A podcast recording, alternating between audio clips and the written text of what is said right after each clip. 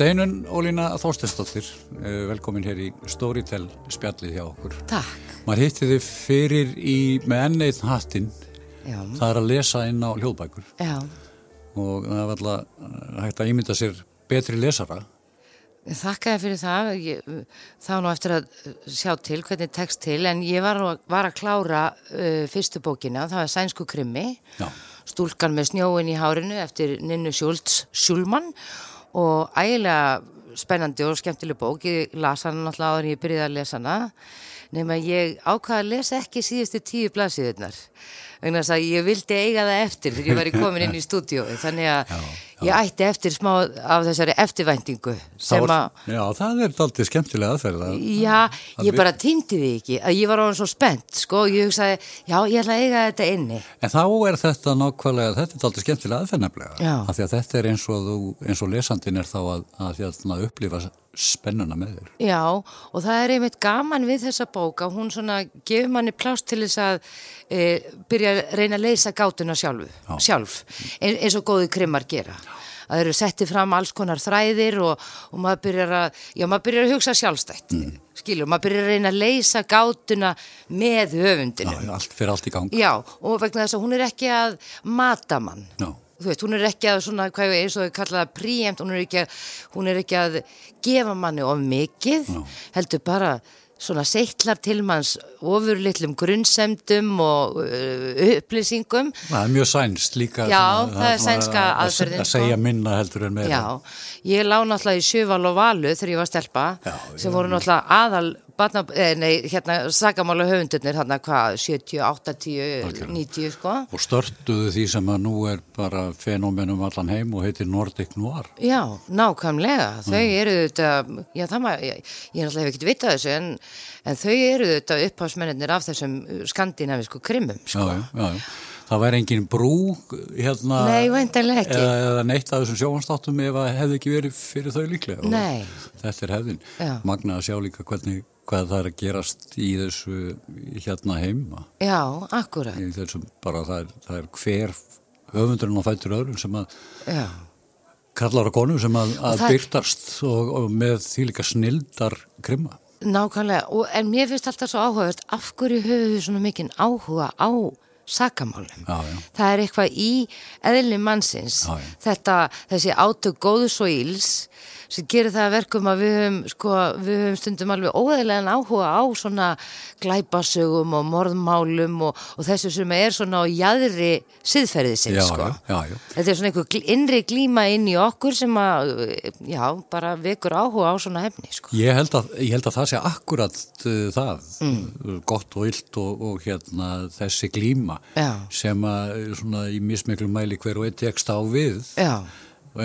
svo eru þarna mörg og, og forvitnin hjá manni er þetta sko, hvað, hvernig er hægt að fara yfir þessi mörg Nákvæmlega. og hvernig gerist það þig? Já, akkurat, akkurat. Maður er alltaf að velta þessu fyrir sér einmitt í, í þessum Úr hverju eru glæpamenn? Okkur finnst það líka áhugavert. já sko. og svo þegar, svo þegar til dæmis maður sér viðtal í, í hérna á YouTube eða eitthvað við, við fjöldamorðingi og það kemur í ljós að þetta virðist bara, eh, bara eðlugur, eðlugur maður. Eðlilega fólk, já, já. Þá, þá einmitt, þá einmitt velti maður fyrir sér sko hvar líka þessi mörg inni, inni í fólki. Já, nákvæmlega, sko. Hvar liggur siðferði strengurinn, sko? Já, já, já. Hvenar gætum við drepið mann? Já, já, já, já, já, já. Þannig að þetta er náttúrulega það sem að kannski dregur, dregur fólk að, að, að þessum tegundum, þessari tegund bókmænta. Já. En þú ert sískrifandi og, og uh, Kannski á, ýmsan máta sko hefur hefur uh, þú náttúrulega, eins og ég segi það sagði ég upp að þú með marga hata mm. leikonan og, og uh, síðan hvað að segja rittöfundurinn og þjóðfélagsgagnininn um bladamæðurinn steinun mm. Og drittstjóri núna Já, já, og ég, sko, ég hafði aldrei skrifað staf fyrir en ég gaf út bók 2005 sem ég er núna að lesa inn. Já. Svo bók, bók heitir í fyllt með fullotnum og kom út hjá eh, forlagi sem þá hétt bara JPVAF og e, það var í fyrsta skipti sem ég skrifaði. E, svo fluttust við bandaríkjana, til bandaríkjana, ég og Stefán og börnin og, og þá fór ég að vinna sem e, pislahöfundur hjá Morgonblæðinu og e, það form hendaði mér mjög vel og mér hefur þótt ægilega gaman að skrifa pisla og það hefur haldið áfram eftir ég stopnaði kvennablaðið eða endur vakti kvennablaðið sem hérna vefmiðil 2013 Já og uh, sko uh, Haugur Már Helgason sér raunverulega um rittstjórn núna og hefur gert síðan að Stefan varð veikur og eftir að hann dó vegna þess að þá gæti ég bara ekki synd blaðinu sem skildi ja. en uh, ég svona drefniði penna þegar ég finna ég er bara kapna og get ekki haldið kæfti ja, sko. ja. og það kemur svona í hrinnum stundum skrifa ég mikið og, og stundum lítið sko En það er annað líka sem að, að uh, hérna, þú fæst við núna. Segðu mér aðeins frá þessu magnaða uh, líftækni fyrirtæki eiginlega sem að, að uh, Stefán og, og já, þið settu þig á. Eftir að Stefán vekt, vektist þá hérna, startaðan græmitisbusiness. Við höfum kynst microgreens eða sprettu framleiðslu í Kaliforníu mm og þetta var alveg tíska þar að borg, borða sagt, svona smávaksið græmiti og kryddjurtur vegna þess að þegar jurturnar eru svona litlar þá eru það sko já, bara markfaldar af styrk og búið við svo miklum næringarefnum og eru svo hotlar og, og þetta er svona skrautið sem þú sérði á diskum í veitingahúsinu, litla græna skrautið. Já, en umleið já, superfæða umleið. Já, og, jú, á að vera superfæða umleið og hann sem sagt e, e, byggði gróðrúsin í gamlum fristigám, mm -hmm. Kefti gamlan fristigrám og, og gám og innréttaði hann með ljósum og hillum og byrjaði bara að rækta. Og og núna eru við með þrjá gáma í fullir framleiðslu. Og e, náttúrulega meðan Stefán vektist og áður hann dó voru við búin að ráða fólk til starfa til þess að hjálpa, hjálpa til og núna þjónustu við, þjónustu við bæði marga stóra veitingastadi og mötuneit í landinu og við höfum ekki verið að selja til almennings en þá, en það er svona stendur til bóta, vonandi en e, já, þannig að ég er græmitisbondi, fekk e, græmitisbusiness í arf eftir Stefán Þetta er aldrei magnasteinin en maður veldi því fyrir sér sko hérna reyfingun í þessu lífslaupi já. ykkar já. að það verður til þarna fyrirtæki já. Líffyrirtæki. Já um það leiti sem hann er að hvaðja. Já, nákvæmlega sko, er, og, og hann skilur eftir sig þetta fyrir utan allt, allt annað. Já, já, akkurat já. og hann eh, var með mjög ákveðnar hugmyndur um það hvernig hann eh, sá fyrir sér að fyrirtæki myndi vaksa. Mm. Hann skildi eftir mjög nákvæmar leiðbynningar um það hvernig næstu skref ætti að vera. Þannig að ég og Sofía Stengriðsdóttir sem er frangandastjóri, við erum með mjög, hvað ég var að segja, við erum með hans strategíska plan með með okkur Æ.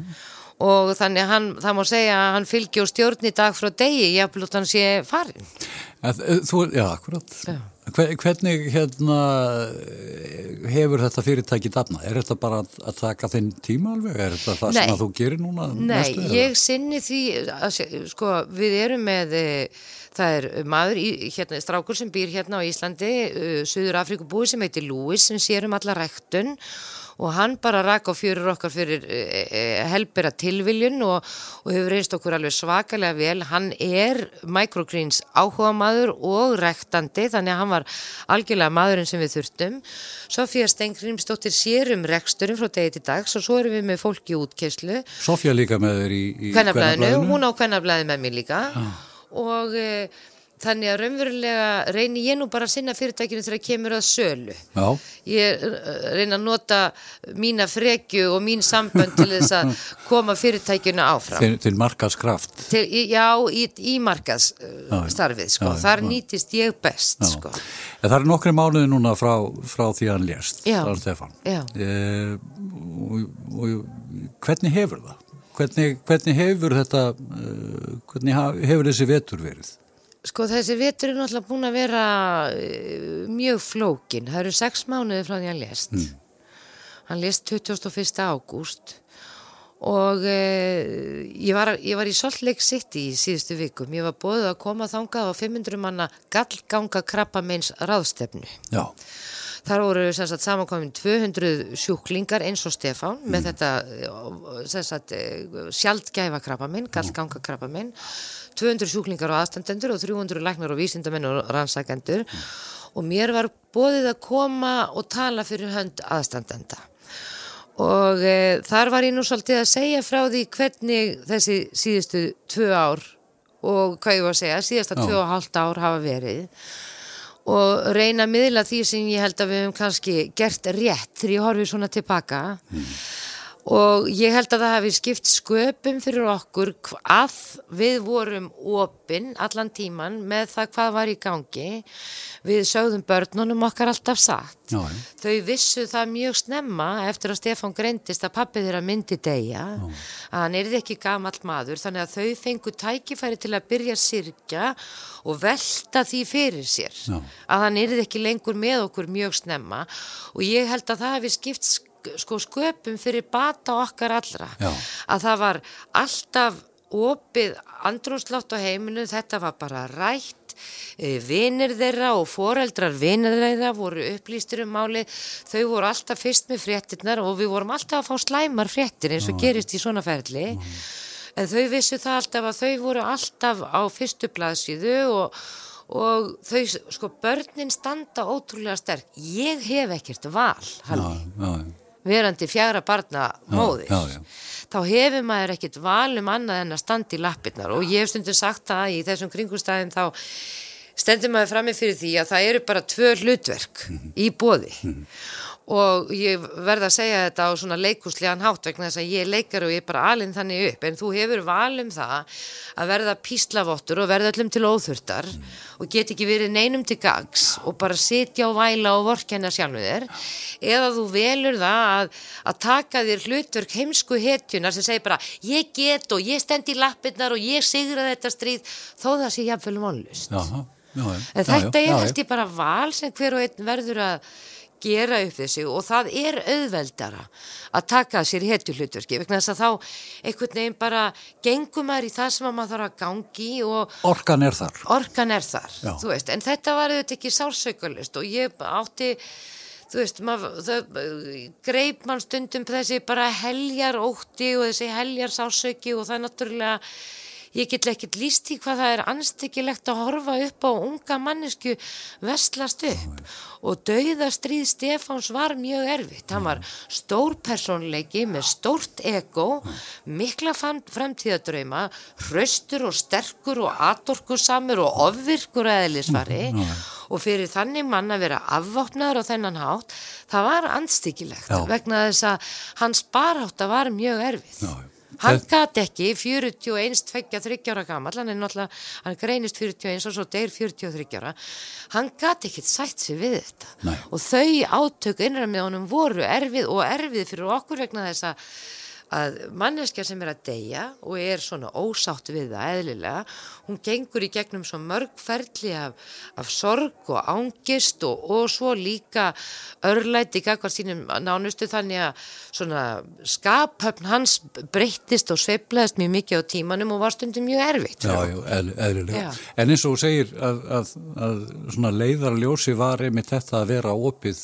e, að þið voru opið með allt líka. Já. og vegurinn framundan þótt hann væri hræðilegur og grittur að hann var þó ljós Já, og sko það var svo mikill léttir að tala um þetta ofinbarlega og ástæðan fyrir við gerðum það vegna þess að það voru svona ótíma bærar fréttir af andlátans og Íslandi lítið og um leið og hann var laðurinn á spítal og fór í þessa stóru aðgerð þannig að fóru alls konar sögur af stað.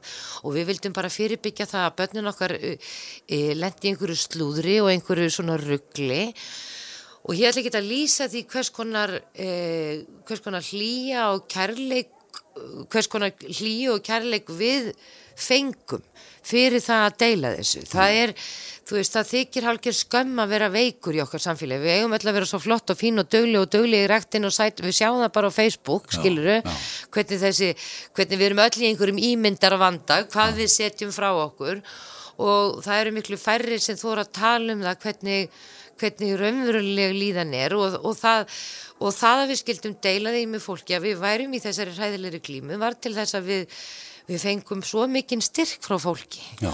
og vísindin mæla ekki svona halli nei, nei. en það var áþreifalegt. Mér fannst bara eins og ég hef verið sett í svona einhvern vendandi hjú. Já. Ég fann svo mikinn, mikla hlý og kærleik frá ólíklegasta fólki Já. og bara úr, úr uh, kosmosinu, sko. En það er aldrei magnað að, að veltaði fyrir sér að því að þú saði sko með þessa miðla núna aðeins myndist á neikvæði hliðina Mm. Já. en nálæðin sem hún getur skapað líka Er ótrúlega, er, sko. er, er eins og bara í litlu samfélagi. Já, það er það. Og fullt af fólki skrifaði mér og, og uh, uh, konur sem hefði mist mennina sína, konur sem áttu mjög veika menn og, og ég eignaðist dýrmættar vinkonur í gegnum netið sem voru mér til halds og tröst meðan Stefán var veikur. Og e, þetta var ómetanlegt sko.